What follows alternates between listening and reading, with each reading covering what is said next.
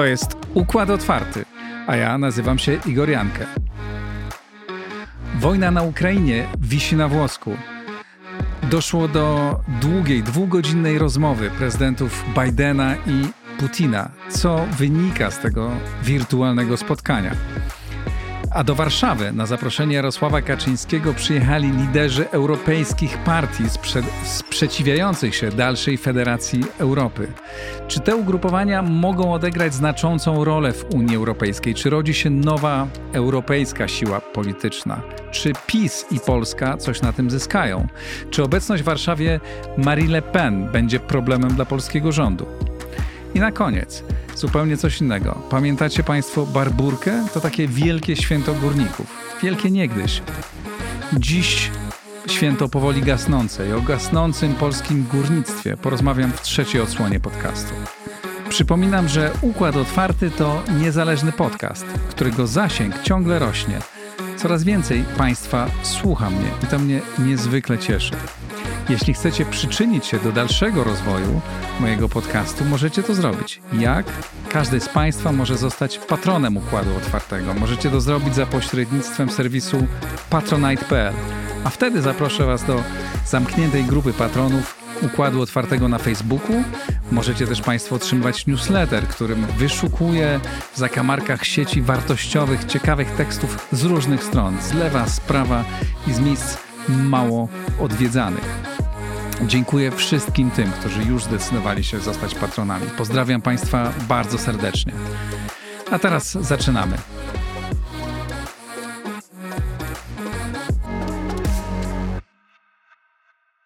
Michał Baranowski, dyrektor warszawskiego biura German Marshall Fund. Witaj w Układzie Otwartym. Bardzo fajnie być tutaj z wami. A ja też się cieszę, że jesteś. Zwykle rozmawiamy tu o Polsce, a dzisiaj będziemy rozmawiać o rzeczach, które się dzieją trochę poza Polską, ale one są bardzo ważne dla nas, mają gigantyczny wpływ. A rozmawiamy w środę po tym, kiedy prezydenci Biden i Putin rozmawiali ze sobą przez dwie godziny na temat potencjalnej wojny, która mhm. może wybuchnąć za chwilę w Ukrainie, znaczy wojny, agresji, kolejnej mhm. agresji rosyjskiej.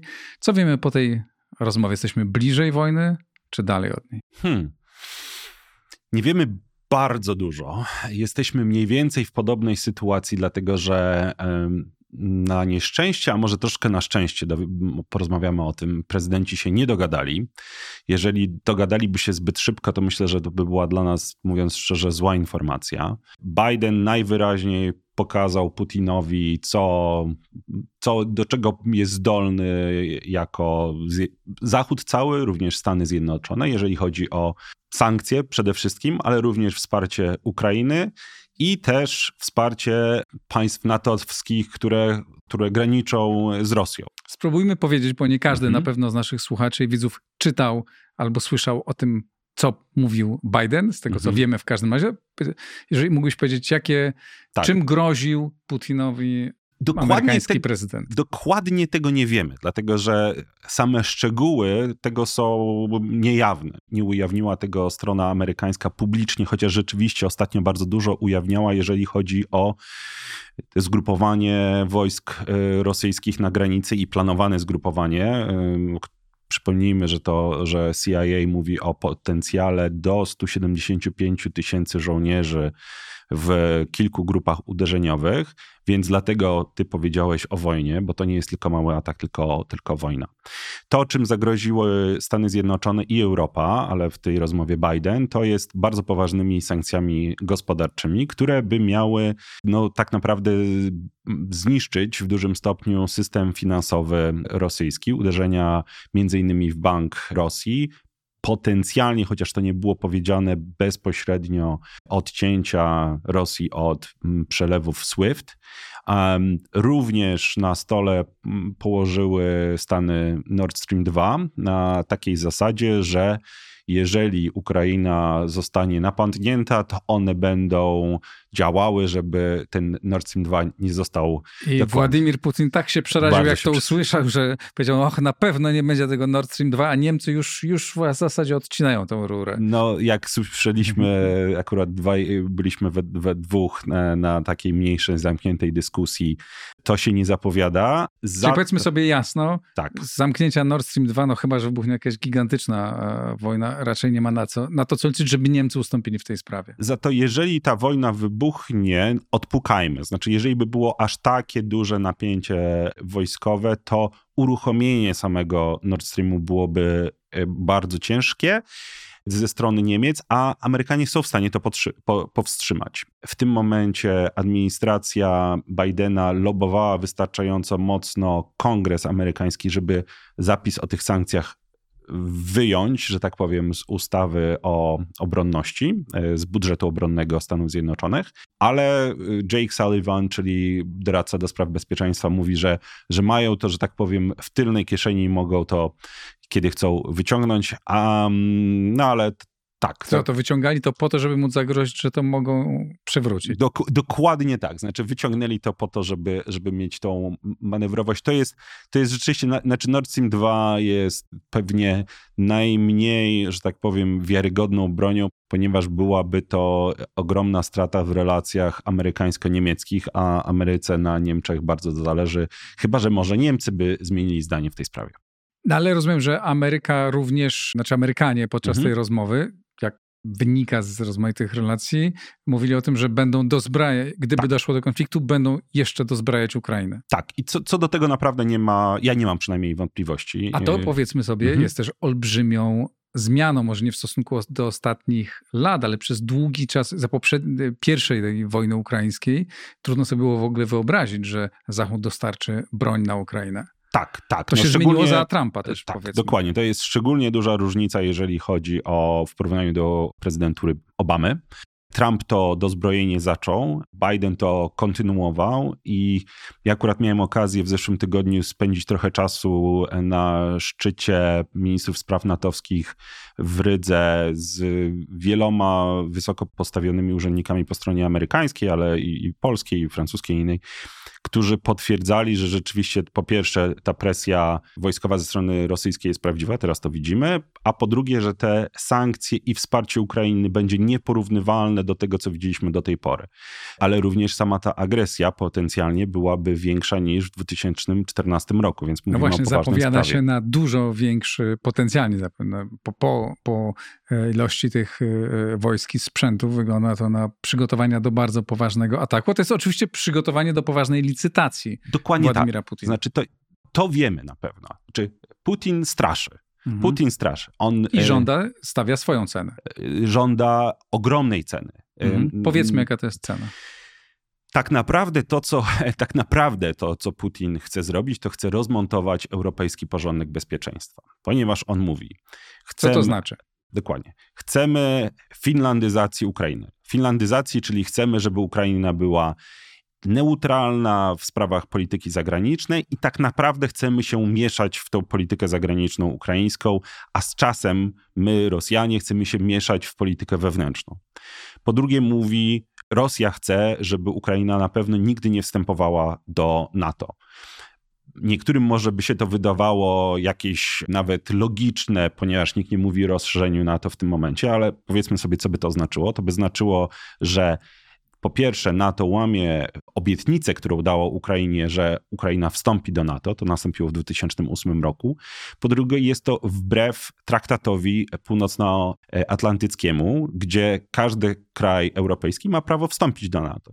Więc i to tak naprawdę jest rozmontowanie, dlatego że Ukraina traci suwerenność. To jest de facto ustalenie nowej strefy wpływów i powiedzenie jasno przez świat Zachodu, tak, godzimy się, żeby potężne, potężne, jeśli chodzi o terytorium, państwo weszło pod wpływy innego państwa. Wyobraźmy sobie coś takiego, nie wiem, że mówimy o, o tym, że Polska ma być tak zależna od Niemiec czy jakiegokolwiek innego kraju. No, nie, nie do wyobrażenia dzisiaj nie do wyobrażenia, na szczęście, i zupełnie zbrew interesom Stanów Zjednoczonych, bo na Ukrainie by się nie skończyło, w, na Europie mogłoby się nie skończyć i mogłoby się to rozlać również w Azji. No tak, ale ja powiedziałem, że nie do wyobrażenia to, żeby ktoś tak z Polską i Niemcami dzisiaj próbował nawet w ogóle o tym mówić publicznie, ale przecież o, o takiej podziele strefy wpływów politycy, również czy publicyści w Stanach Zjednoczonych, niektórzy piszą, pojawiają się takie e, tezy, że może warto to zrobić, że w zasadzie i tak tam Rosjanie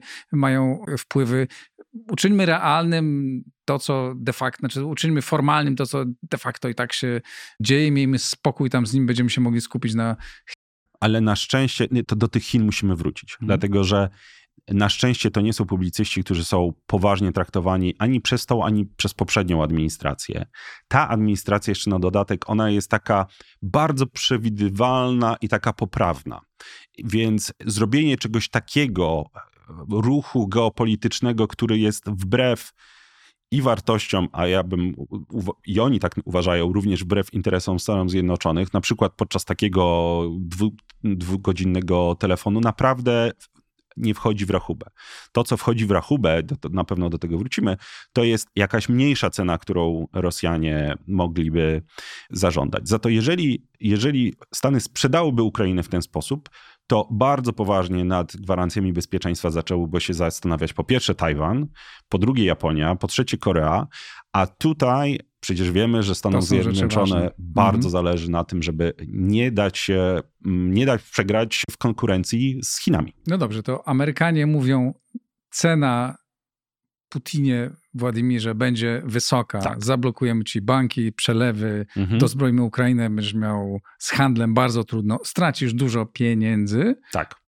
Ale Putin sobie myśli, no dobrze, ale kalkuluje, jego kalkulacja jest jego logika jest inna niż, niż nasza. Pomyśli, no dobra, no to, to stracimy te pieniądze, so what? Wzmocnię swoją prezydenturę, zostawię, przejdę do historii jako ten, który odbudował e, rosyjskie imperium. Może, czy nie obawiasz się tego, że on się zgodzi tę cenę zapłacić?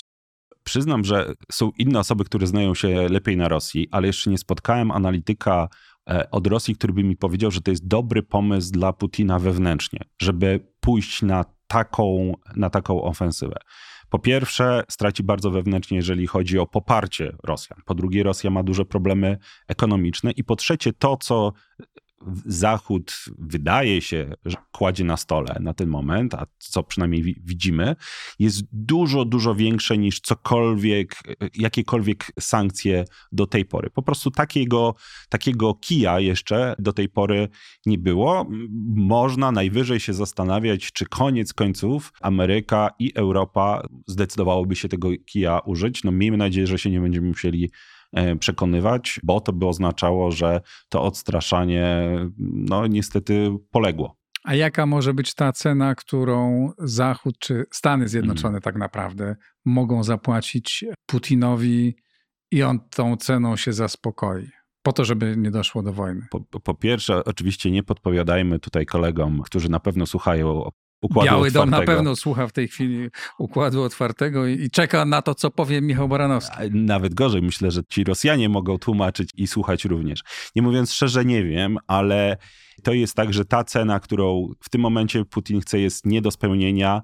Y, to, o czym, gdzie również koledzy z OSW i, i, i, ja się tutaj pod tym bardziej podpisuję, gdzie, ponieważ to jest pierwszy krok tak naprawdę w tej dyskusji. Tam, gdzie ta dyskusja będzie trudniejsza, to jest o na przykład warunki porozumienia w Donbasie, o szczegóły porozumień mińskich tu już jestem w stanie sobie wyobrazić większy na przykład nacisk Waszyngtonu na, Waszyngtonu na Kijów, aczkolwiek też nie na takiej zasadzie po prostu zaakceptowania tego, co, co Rosjanie chcą, ale tu, tu ta, ta linia nie jest aż tak jasna, aż tak y, czerwona, że tak powiem, dlatego że opinie w Waszyngtonie są troszeczkę mieszane na temat tego, na ile, znaczy wiadomo, że Rosja tutaj bardzo dużo zawiniła, ale na ile, na ile Ukraina jest również do pewnego stopnia współodpowiedzialna, to nie jest moje, moja opinia, ale ważne głosy w Waszyngtonie czasami to podnoszą.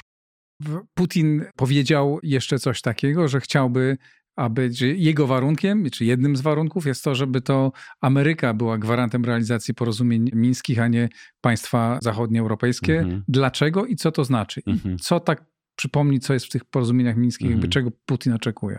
Czy przede wszystkim Putin chce rozmawiać z Ameryką, z Bidenem. On nie chce rozmawiać z żadną Merkel, albo Scholzem, albo Macronem a już nie daj Boże z polskim ministrem spraw zagranicznych lub z prezydentem Dudą. To jest, to jest, on chce po prostu mieć bezpośredni kontakt z Waszyngtonem i zresztą Z kierownikiem. Z, z, kierownikiem. Jeden z kierownik, jeden kierownik z drugim kierownikiem, żeby ustalać ład światowy, europejski i zresztą doprowadzenie do tego szczytu, co prawda wirtualnego, pokazuje, że mu się to ten kawałek mu się udał. Zresztą drugi raz. E, Propagandowo już to wygrał bardzo, bardzo mocno. To prawda. Podjechał, postraszył i postawił wszystkich, cały świat na baczność. Dokładnie. I to drugi raz, bo pamiętajmy, że w kwietniu zrobił podobnie. E, dostał również spotkanie z Bidenem, tyle że tym razem musiał postraszyć dużo, dużo bardziej. I taką relację to Rosja pewnie chciałaby mieć ze Stanami Zjednoczonymi, bo z drugiej strony pamiętajmy, co Stany Zjednoczone chciałyby zrobić z Rosją. Stany Zjednoczone chciałyby Rosję zamknąć w pudełku, które się nazywa no problem, bez problemów odkładamy do, do, do konta i skupiamy się na, na Chinach. To by chciały zrobić Stany Zjednoczone. To Biden w sumie zakomunikował Putinowi i Putin się na to bardzo wkurzył i zaczął tak naprawdę grasować i stwarzać problemy. Na ile dla Putina wysokim takim silnym odstraszaczem realnym jest to, że armia ukraińska jest już zupełnie inna niż była kilka lat temu. To są już dzisiaj, jak słyszę, poważne bardzo siły i to nie będzie tak, że wjadą i zaorają w ciągu kilku dni, tylko po prostu to będzie regularna, e, będą to regularne, ciężkie bitwy ze stratami po stronie rosyjskiej na pewno wysokimi. Na pewno tak, na pewno tak. Zresztą warto posłuchać i obejrzeć wywiad ukraińskiego ministra obrony w CNN, który bardzo mocno mówi o tym, że to Rosjanie będą wracać w trumnach. Byłoby to oczywiście ogromną tragedią i dla Ukrainy, i dla Rosjan jakby taka wojna wybuchła. Ukraina jest dużo lepiej przygotowana. Niestety, z tego co rozumiem, e, siły, które przygotowuje Rosja, są rzeczywiście bardzo poważnym zagrożeniem dla Ukrainy i pomimo tego, że jest dużo lepiej przygotowana, pamiętajmy, że Rosja również modernizowała swoje siły przez, przez długi czas ale te koszty dla strony rosyjskiej byłyby bardzo, bardzo duże, dlatego dozbrajanie Ukrainy przez Amerykanów, dzisiaj przez Litwinów, również przez Polskę powinno to nastąpić, jak najbardziej jest jeszcze dodatkowym elementem odstraszania Putina. Miejmy nadzieję, że na tym odstraszaniu się skończy, aczkolwiek niestety nie możemy powiedzieć, że tak, że tak będzie. Ta wojna rzeczywiście wisi na włosku. Piłka jest w grze. Piłka jest w grze. Tutaj raporty CIA mówią o przełomie stycznia i lutego, i do tego stycznia i lutego będzie w grze dyplomatycznej i trzymamy kciuki za Ukrainę, żeby na tym się skończyło. Michał Baranowski, bardzo Ci dziękuję. Dziękuję bardzo.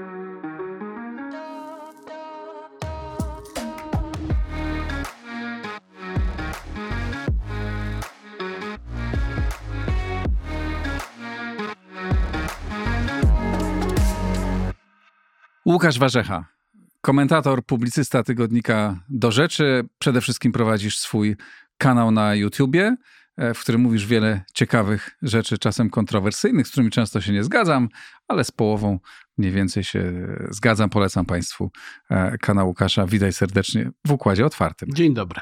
Chciałbym, żebyśmy porozmawiali o e, Warsaw Summit, czyli zjeździe ugrupowań, które nazywają się prawicowymi, e, ugrupowań prawicowych z różnych państw europejskich, które zaprosił do Warszawy Jarosław Kaczyński. Właśnie, nie, nie, nie chcę może wchodzić ci w pierwsze pytanie, ale jednak wejdę bo też dobrze, że zrobiłeś to zastrzeżenie ugrupowania, które nazywają się prawicowymi, bo tak naprawdę, no wiadomo, kontrowersje są wokół tego, co możemy nazywać prawicą, a co nie. Ja tylko przypominam, że i zawsze to powtarzam, że PiS jest partią socjaldemokratyczną i to klasyczną partią socjaldemokratyczną, więc trudno tutaj mówić o prawicowości.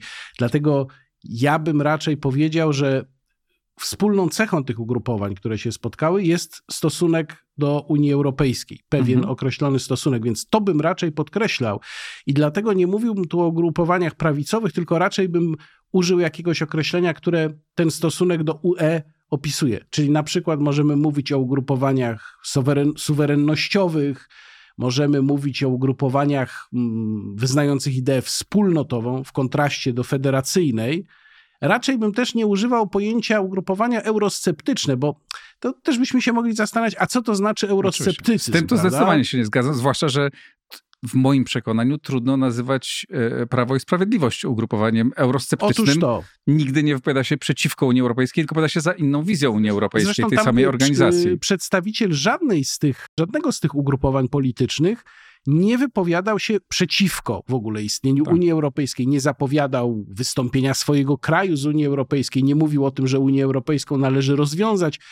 No oczywiście to jest dyskusja o tym, co nazywać eurosceptycyzmem, bo ci, których ja nazywam z kolei euroentuzjastami albo euromarzycielami, będą nazywali eurosceptycyzmem wszystko, co się nie mieści w ich sposobie myślenia. Ale proponuję, żebyśmy mniej zajmowali się nazywaniem i metkowaniem, bo tu możemy toczyć tę dyskusję. Też, definicje też są ważne. Nie, są ważne. Możemy szukać co rzeczywiście te, te ugrupowania e, łączy, bo one są bardzo różne. Tak jak powiedziałeś, niewątpliwie ich łączy pewna wspólna wizja, czy wspólny pogląd na temat tego, czy Unia Europejska powinna dalej się centralizować, e, czy, czy federalizować. Na pewno oni są przeciw, te ugrupowania są temu przeciwne, z tym się zgodzimy. Tak, oczywiście, no to jest ta wspólna cecha podstawowa, tak. Chciałem żeby cię zapytać jeszcze o coś innego na początek naszej rozmowy. O czym, co tak naprawdę, o co chodziło Jarosławowi Kaczyńskiemu? Do czego służył mu ten ruch? Myślę, że tutaj nie ma jednego wyjaśnienia. Wyjaśnienie strategiczne jest takie, że Jarosław Kaczyński zbliża się i wie to do końca swojej kariery politycznej. I myślę, że wiele rzeczy, które on robi w tej chwili, można tłumaczyć sobie właśnie tym poczuciem, które ma chyba każdy polityk w tym momencie swojego życia i swojej kariery, że chciałoby się coś zostawić. No w tym wypadku możemy mówić o pozostawieniu początku, zaczątku, fundamentu jakiegoś ruchu, który ma się przeciwstawić temu dominującemu trendowi w e, Unii Europejskiej. Być może jest tak, że Jarosław Kaczyński tak w ogóle widzi dla siebie przyszłość. To znaczy, już nie będzie mm, głównym macherem od polityki w Polsce, ale na przykład będzie takim Valerym Giscard d'Estaing y, odmiennego, alternatywnego kursu w polityce europejskiej, póki tam, nie wiem, nie skończy 90 lat, prawda? Oby Pan Bóg dał mu jak najdłużej zdrowie, prawda, i życie. Więc to jest jedno wyjaśnienie. Drugie wyjaśnienie jest takie bardziej, powiedziałbym, pragmatyczne i bieżące. To znaczy, na pewno jest tam zapotrzebowanie na stworzenie większej grupy w Parlamencie Europejskim. O tym się mówiło. Były nawet takie hipotezy, że być może to zostanie ogłoszone na tym zjeździe, ale to jest raczej mało prawdopodobne i myślę, że w ogóle będzie kłopotliwe. Taka grupa jak policzyłem, czyli to by musiały się połączyć dwie grupy, europejscy konserwatyści i reformatorzy z grupą Tożsamość i Demokracja. Jedna ma 70, Tożsamość i Demokracja ma 70 europosłów, EKR ma 63, czyli byłoby to 130, 133 posłów. W ten sposób powstałaby trzecia co do wielkości grupa w Parlamencie Europejskim ale wciąż ta grupa nie zdobyłaby wpływu na to, co się tam dzieje bo dominującą rolę ma największa grupa polityczna, to jest IPP, Europejska Partia Ludowa, która w sprawach zasadniczych głosuje razem z socjalistami i demokratami. I wspólnie te grupy, tam z tego co pamiętam, chyba EPP to jest 170 paru eurodeputowanych, 146 mają socjaliści i demokraci, no więc przewaga jest abs absolutna. Dwie uwagi do tego, co mówisz. Pierwsze, ja osobiście nie wierzę to, że Jarosław Kaczyński chce się zająć polityką europejską, ponieważ przez całą jego polityczną karierę w Polsce przez 30 lat był skoncentrowany na tym, co tutaj się dzieje i wszyscy, którzy go znają, mówią, że te sprawy międzynarodowe nie interesują go tak bardzo, tu, że jednak przede wszystkim widzi to, co jest tutaj. Wejdę ci tu w słowo i się z tobą jednak nie zgodzę, bo Proszę e, bardzo. Polityką europejską w takim ścisłym, taktycznym sensie na pewno Jarosław Kaczyński by się nie zajął, ale ja mówię o czym innym. Mhm. Nie bez powodu przywołałem e, przykład Valerego Giscara d'Estaing, który był architektem tak zwanej konstytucji europejskiej, która przepadła, jak wiemy, ale ostała się w zasadniczych zrębach w traktacie lizbońskim. Ja myślę raczej o takiej roli. Znaczy, nie myślę o roli y, czynnego polityka, który tam jeździ, negocjuje jakieś bieżące deale. Myślę raczej o roli takiego męża opatrznościowego, który nadał pewien kierunek i ten kierunek nadal wyznacza. No dobrze, to ja mam do tego uwagę następującą, z którą zapewne się zgodzisz, bo zacząłeś też iść w tym kierunku. Jeśli nawet będzie ojcem opatrznościowym, czy ojcem założycielem tej szeroko rozumianej, jakkolwiek nazywam, nazwijmy roboczo to prawicowej, prawicowej dużej frakcji czy ruchu złożonego z wielu ugrupowań europejskich i który ma postawić tamę tej dalszej federalizacji, no to nie ma na to szans, dlatego że tak jak sam wyliczyłeś przed chwilą, to będzie 130 kilku eurodeputowanych, którzy nie mają żadnej zdolności koalicyjnej, którzy w każdy, każdą, każde głosowanie prawdopodobnie przegrają, bo to zwłaszcza kiedy tak ostro się ustawiają w, w konfrontacji z drugiej strony, no to zawsze druga strona będzie ich przegłosowywać. To jest Parlament Europejski, ale trzeba pamiętać o paru rzeczach. Po pierwsze, duża grupa w Parlamencie Europejskim ma większe przywileje niż mała grupa. I te mhm. przywileje się przekładają na bardzo codzienną działalność. Parlament Europejski, to co my widzimy w przekazach telewizyjnych albo YouTube'owych, czyli sesje plenarne, to to jest tylko teatr. Prawdziwa praca w Parlamencie Europejskim odbywa się w komisjach Parlamentu Europejskiego, na które się właściwie nie zwraca uwagi. I taka duża grupa, trzecia co do wielkości, już w przypadku komisji, na przykład poprzez inny system czy inną pulę przewodnictw komisji, która musi przypadać dużej grupie, już to może robić różnicę. No i pewnie Jarosław Kaczyński, bo o tym jeszcze nie zdążyłem powiedzieć, liczy na to, że fala się odwróci liczy na to, że ta tendencja antyfederalistyczna w Europie przybierze na sile, że być może inaczej będą wyglądały rezultaty następnych wyborów do Parlamentu Europejskiego, a także, że inaczej będą wyglądały rezultaty wyborów w krajach członkowskich, no zwłaszcza tych, gdzie właśnie takie silne ugrupowania tego typu są.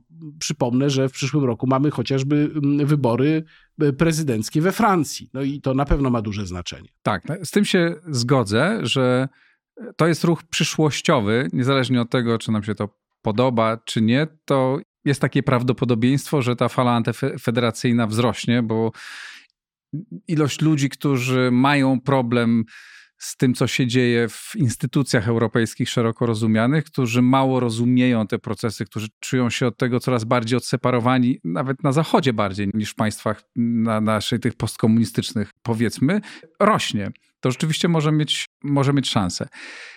Pytanie następne. Czy Twoim zdaniem to Prawu i Sprawiedliwości Jarosławowi Kaczyńskiemu może pomóc? No bo w Polsce zwłaszcza też się pokaże, że nie jest wcale, no owszem, jest izolowany przez pewną część polityków europejskich, ale inni przyjeżdżają tutaj. To dobrze wyglądało na zdjęciach.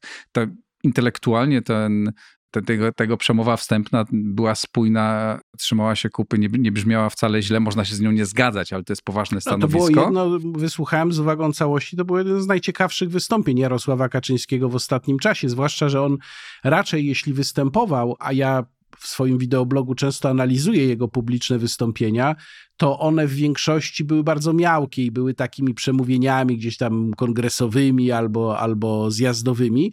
A tutaj rzeczywiście była bardzo interesująca analiza. Jak sam powiedziałeś, można się z nią nie zgadzać. Ja się akurat z nią w większości zgadzam. Może większe wątpliwości mam co do osoby, która ją wygłosiła samej, czy co do tego, jaka na to jest rada.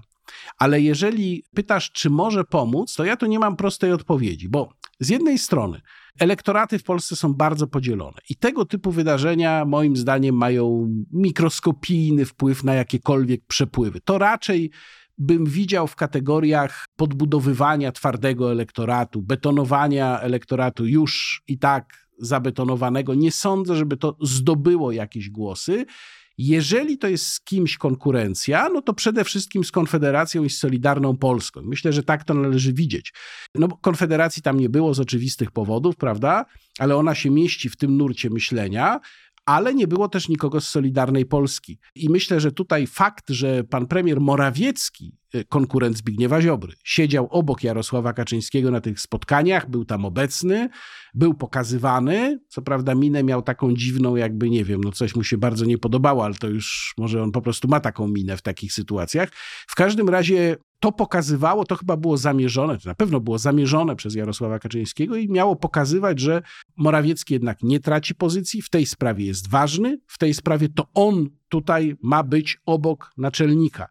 A no ponieważ i... Solidarna Polska walczy też o ten nurt wyborców i to walczy bardzo twardo i walczy również pokazując różne wpadki Mateusza Morawieckiego, to z tego punktu widzenia dla tej bieżącej polityki, nawet tej powiedziałbym wewnątrz samej Zjednoczonej Prawicy, to mo może mieć znaczenie. Ja się jednak upieram, że to owszem, to nie jest jakiś game changer, który, od którego podskoczą nagle notowania prawa, prawa i sprawiedliwości, ale który buduje długofalowo, buduje wizerunek silnego, wpływowego na tyle, na ile Prawo i Sprawiedliwość w obecnej sytuacji może być wpływowy, bo przypomnę, z drugiej strony ma wizerunek partii, no, która doprowadziła do tego, że mamy konflikty z wszystkimi wokół, tak? Więc to jest taka kontr, e, ale też, ale też już do nie tego. do końca, bo tu zwrócę uwagę i to jest akurat, ja to bardzo pozytywnie oceniam, że jednak rządzący potrafili na przykład zacząć rozmawiać bez uprzedzeń ideowych, co im się nie zdarzało wcześniej, z prezydentem Macronem.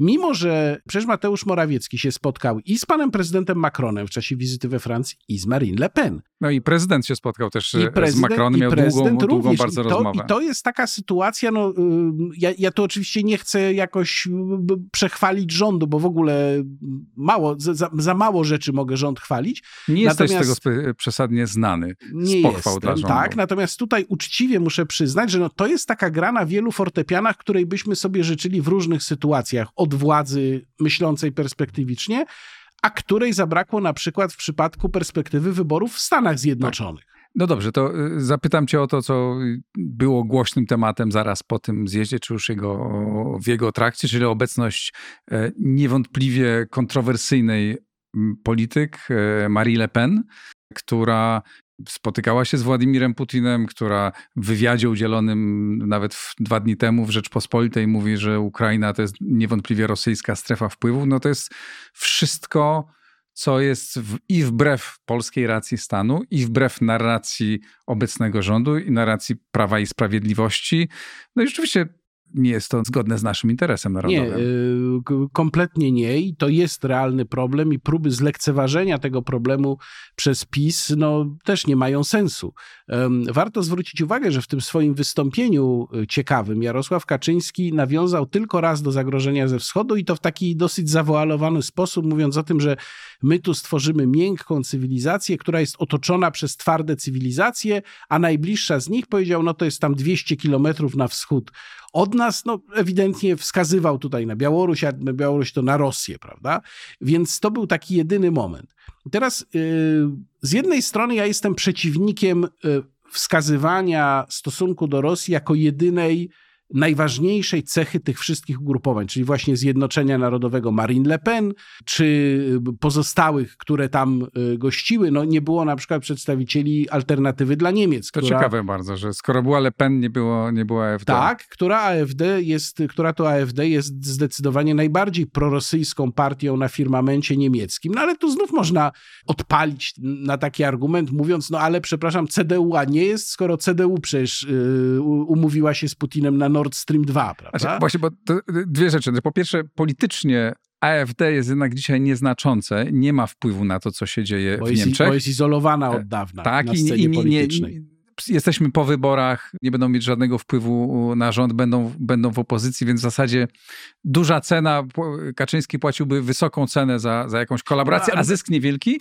A ja Płaci jestem... za, za, za rozmowy z Le Pen wysoką cenę, no bo jest krytykowany, no ale jednak on jest dużo bardziej wpływowym politykiem. Ja jestem, nawiasem mówiąc, bardzo ciekawy, nie spotkałem się nigdzie z taką informacją, jakie były kulisy właśnie tego, że politycy AfD nie przyjechali. Czy to było, czy to była jakaś manipulacja ze strony organizatorów szczytu, czy oni po prostu nie chcieli. Raczej bym stawiał na to pierwsze, bo ja też. obecność Myślę, AfD, że AfD bardzo chętnie by przyjechała, obecność bo to AfD już by była zbyt ich. dużym kłopotem. Ta, ta. Natomiast jeżeli chodzi o Marine Le Pen, to ja myślę, że jej wypowiedzi, jej stosunek do Moskwy, bo też trzeba pamiętać, że nie wszystkie z tych ugrupowań, które się tam pojawiają, tak samo chętnie, czy tak samo radykalnie wypowiadają się na temat relacji z Rosją. No, Są oczywiście. takie, które na przykład hiszpański Vox tam jakoś nie ma takiego specjalnego stosunku do Rosji. Rosja jest dla nich tak daleko, że to nie jest problem. Natomiast akurat Marine Le Pen tak i Zjednoczenie Narodowe tak.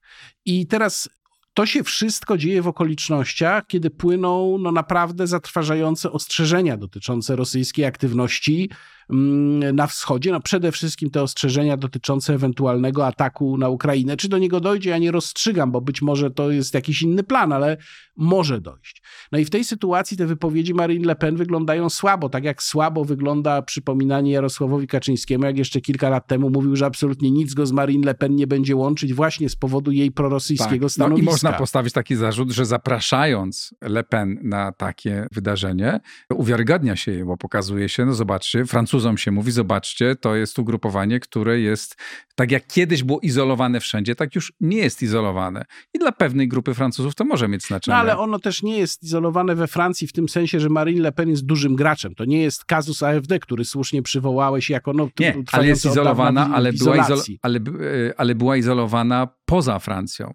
I Zjednoczenie Narodowe no, było taką raczej partią, z którą się nie rozmawiało. Zapraszając ją tu, i to jest decyzja Jarosława Kaczyńskiego, wzmacnia jej wizerunek i dla pewnej grupy wyborców to może mieć znaczenie. Więc, y, więc ja mam tutaj taką diagnozę, że PiS no, jest trochę w pułapce w rozterce i ma dylemat. No bo z jednej strony, tak jak powiedziałem, nie można tej prorosyjskości niektórych z tych ugrupowań uważać za absolutnie jedyną cechę ich rysu politycznego, bo tak po Oczywiście. prostu nie jest. To jest jedna z cech. Inna cecha, ważna, to jest to, gdzie jest współpraca, czyli stosunek do Unii Europejskiej. No ale z drugiej strony, zwłaszcza w sytuacji, gdyby na przykład Marine Le Pen wygrała wybory prezydenckie we Francji, no to ta, ten stosunek do Rosji no będzie realnym problemem. I będzie realnym problemem również dla Jarosława Kaczyńskiego. Możemy sobie wyobrazić sytuację, w której na przykład, oby tak nie było, ale na przykład Rosja dokonuje jakiejś inwazji, nawet chwilowej tylko, na kolejne tereny na Ukrainie i staje na Radzie Europejskiej kwestia sankcji nałożonych, y, jakie mają być nałożone na Rosję przez Unię Europejską i tam w Radzie Europejskiej zamiast prezydenta Macrona pojawia się Marine Le Pen jako prezydent Francji. Oczywiście. No i co ona wtedy mówi, prawda? Wręcz mówi się o tym, że Władimir Putin chce przedstawić e, propozycję, być może e, e, właśnie ją przedstawia w rozmowach z Bidenem, o tym, że okej, okay, my wycofamy, nie, nie zaatakujemy Ukrainy, ale ustalmy, że NATO nie będzie się nigdy rozszerzać, że wy przestaniecie, że jasno sobie narysujemy, gdzie są strefy wpływów i dzięki temu się przesunie. No to jeżeli Le Pen będzie w rozmowach na ten temat, to szansa na sukces Putina rośnie. Ja też uważam to za duże zagrożenie, aczkolwiek też się z tobą zgadzam, że zarzucanie politykom PiSu, że rozmawiają z politykami z innych krajów, którzy kontaktują się z Putinem, no jest y, dosyć dużą hipokryzją. Przecież i Angela Merkel i wielu innych, i, i francuscy, i politycy tak samo cały czas są w kontakcie z Putinem i robią interesy z Putinem. No i Nord Stream 2 jest tego koronnym przykładem. No otóż to, oczywiście wesz, wesz, wszedłeś tutaj już na temat rozmowy Biden-Putin, to rozumiem, że o tym nie rozmawiamy. Nie, nie, zostawmy. Inna kwestia. Ja też mam co do tej rozmowy duże obawy, ale nie wiemy, co tam w końcu w niej padło w tym momencie, kiedy to nagrywamy. Natomiast, tak jak powiedziałem, tu jest rozterka i ja też ją mam jako zwolennik wizji zdecydowanie antyfederacyjnej, jeżeli chodzi o Unię Europejską, bo z jednej strony widzę, że potrzebna jest pewna koalicja wokół alternatywnego kierunku, z drugiej strony no nie chciałbym, żeby ta koalicja się opierała na politykach sprzyjających Putinowi, nie dlatego, że jestem rusofobem, tylko dlatego, że widzę polski interes. No widzę po prostu, gdzie on leży. Ja tutaj myślę absolutnie twardo i realistycznie, ale myśląc realistycznie, też sobie zdaję sprawę z tego, że moim zdaniem obecny kierunek Unii Europejskiej, a tym bardziej ten kierunek krytykowany przez Jarosława Kaczyńskiego w jego wystąpieniu, a zapisany w umowie koalicyjnej SPD, FDP z Zielonymi, jest niebezpieczny. No jest też szkodliwy dla Polski, więc tu jakoś to trzeba wyważać. Łukaszu, na koniec, czy Twoim zdaniem wejście PiS w taką no jeszcze nieformalną, e, jakkolwiek nazywamy, konfederację, e, no, nowe ugrupowanie, dużo szersze w Europie, może pomóc polskiemu rządowi jakkolwiek w negocjacjach z Komisją Europejską w, tych, w rozwiązaniu tych wszystkich konfliktów, bo na pierwszy rzut oka wydaje mi się, że to tym bardziej utrudnia ich sytuację, no bo jasno zapisują się do bloku, który w Komisji Europejskiej ma niewiele do gadania. Czy utrudnia, nie wiem, natomiast na pewno niczego nie ułatwia i tylko na koniec mogę zwrócić uwagę na rzecz, która bardzo obciąży premiera Morawieckiego, jeżeli do niej dojdzie, to znaczy na stanowisko Rzecznika Generalnego Trybunału Sprawiedliwości Unii Europejskiej w sprawie skargi wniesionej przez Polskę i Węgry na mechanizm warunkowości, czyli pieniądze za praworządność. Rzecznik Generalny stwierdził, że ta skarga powinna być oddalona, a to znaczy, że ten mechanizm może wejść w życie, a on już będzie dotyczył głównego unijnego budżetu, a nie jakiegoś jego wycinku. A to premier Morawiecki zapewniał, że ten mechanizm mamy z głowy. Więc to jest moim zdaniem najbardziej realny w tej chwili i najważniejszy problem, jeżeli chodzi o ten spór. Dziękuję Ci bardzo. Gościliśmy Łukasza Warzechę, który sam powiedział, że jest zdecydowanym przeciwnikiem tej wizji Europy federalistycznej, a Układ Otwarty to takie miejsce, gdzie zapraszamy ludzi o różnych poglądach. Niedawno była Kasia Pisarska, która zapewne w tej sprawie ma odmienny pogląd i takim miejscem jest właśnie Układ Otwarty. Słuchajcie i wspierajcie na patronite.pl, jeśli Wam się podoba. Łukasz, bardzo Ci dziękuję. Dziękuję bardzo. Przypominam, że słuchacie Państwo Układu Otwartego. To niezależny podcast, który pojawia się w poniedziałki i w czwartki. A za dwa dni, czyli w sobotę, specjalne wydanie o tym, jacy są Niemcy. Zapraszam serdecznie. Karolina Baca-Pogorzelska, inżynier górniczy drugiego stopnia. Dzień dobry, witaj.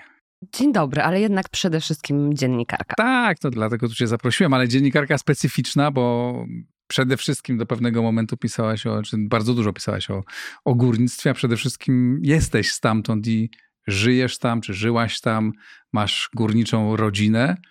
I tak sobie pomyślałem, żeby pogadać o górnictwie, bo rozmawiamy chwilę po 4 grudnia, który zawsze był takim wielkim świętem, wielką barburką, wszyscy politycy się zjeżdżali. A tego 4 grudnia tak już właściwie nikt tego nikt już nie zauważa. Jak to się zmienia życie tam na Śląsku? Czy to wszyscy już mają takie poczucie, że ten świat odchodzi? Hmm.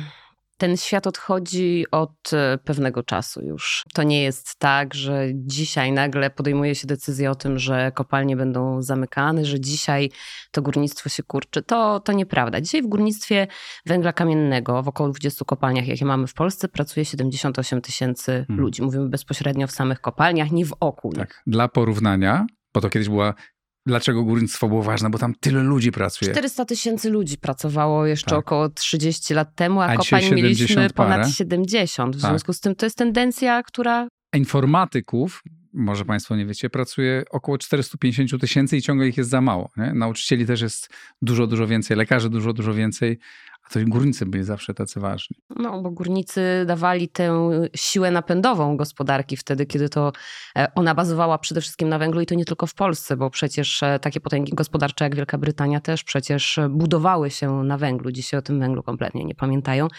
Natomiast to się zmienia z perspektywy lat rzeczywiście bardzo widocznie. Teraz to nawet przyspieszyło, a mam wrażenie, że ostatnie dwa lata covidowe i te dwie covidowe barburki no to jeszcze bardziej wygasiły te wszystkie tendencje. Oczywiście to nie jest tak, że zamykanie kopalń to jest automatyczne zapominanie o kulturze, o historii, o tradycjach, bo tak w ogóle nie jest. Dla porównania chociażby w zamkniętym ponad 20 lat temu Zagłębiu Wałbrzyskim barburki cały czas się odbywają. Są gwarkowie, są ludzie, byli górnicy i mieszkańcy, którzy doskonale pamiętają, jak to kiedyś było, więc to nie jest tak zupełnie, że to, że to zginie i odejdzie, no ale, ale to, to nie jest ta pompa. To nie jest nie. takie święto, gdzie nie. wszyscy się spotykają, bawią się, piją.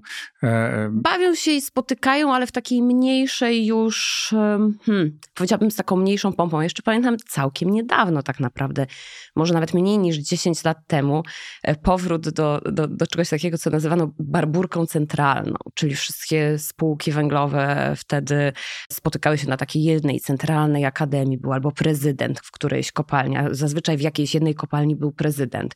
Do drugiej przyjeżdżał premier, ministrowie.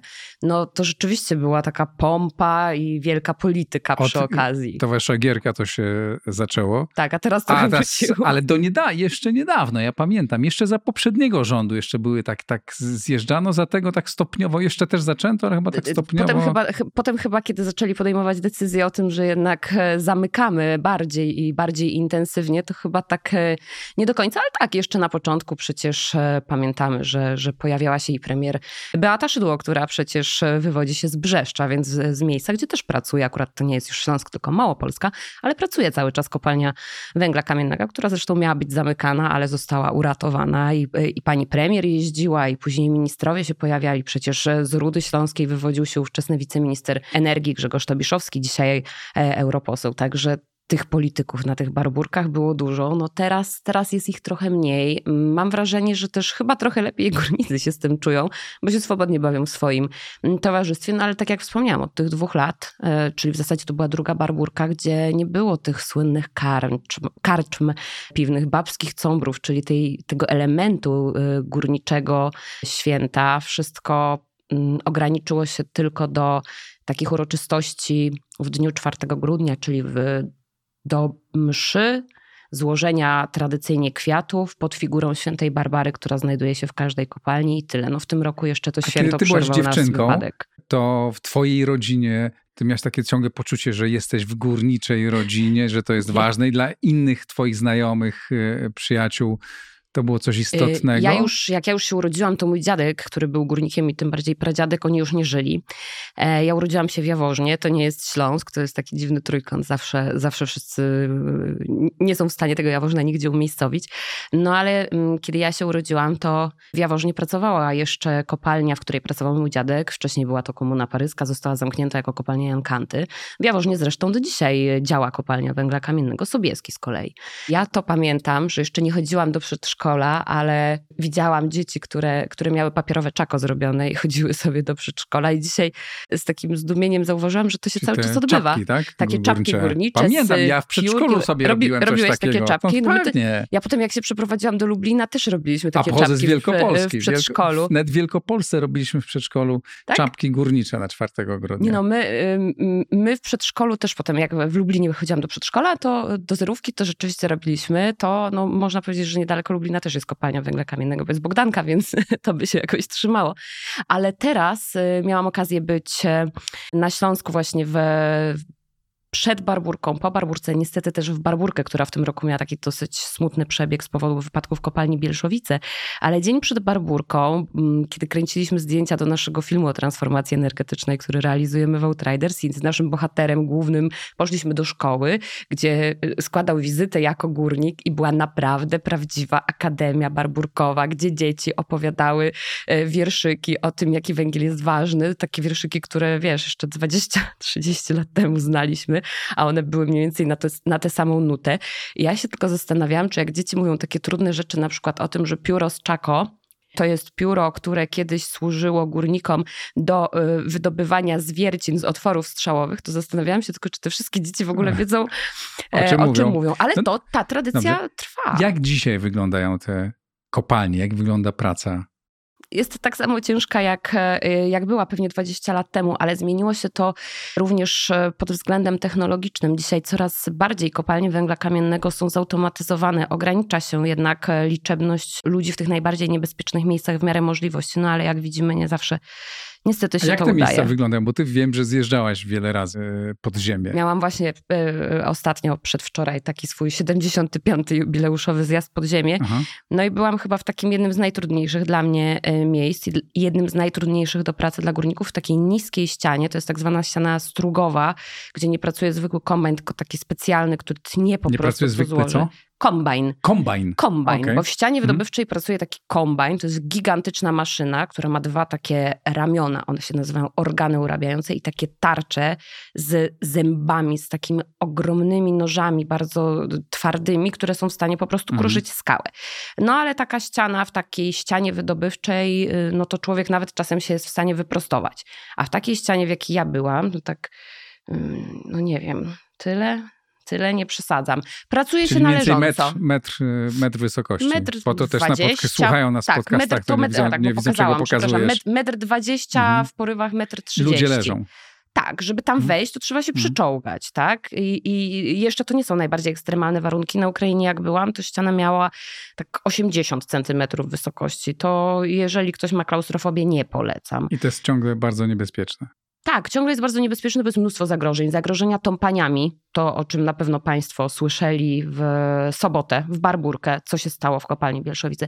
Zagrożenia pożarowe, wodne, wybuch metanu, zapłon metanu, wybuch pyłu węglowego. I tak można wymieniać, wymieniać. To jest, to jest naprawdę taki zawód, którym można powiedzieć, że jak się idzie do pracy, to nie zawsze się wie, czy się wróci i to nie jest e, I żadna w rodzinach przesada. jest taki ciągłe napięcie, ciągły Jest. strach, czy Jest, może to nie jest takie ciągłe napięcie, że jak się wy- wychodzi każdego dnia do pracy, to się o tym myśli, bo jakby to się tak robiło, no to tak ani policjant, ani żołnierz, ani nikt w tak trudnych zawodach nie mógłby pracować, e, bo były, cały czas to w głowie się działo, prawda? Ale no, nie, górnicy to mają, mają z tyłu głowy, no i przy okazji właśnie, kiedy jest znowu jakiś wypadek, to takie myśli wracają, czy, czy, czy to wszystko jest rzeczywiście tego warte. Czy jeszcze jest sens w ogóle dla ludzi, którzy kończą szkoły dzisiaj, myśleć o tym, że zostaną Nie. górnikami? Czy już rozumiem, to jest tak, że tylko Nie. już nikt się nie uczy, już te szkoły są Nie, szkoły są zamykane. zamykane. Akademia Górniczo-Hutnicza, rozumiem, się nie zajmuje pewnie w ogóle tym, tylko pozostała Częściowo nazwa. już naprawdę się prze, przebranżawia, tam można też kierunki humanistyczne na przykład studiować, no ale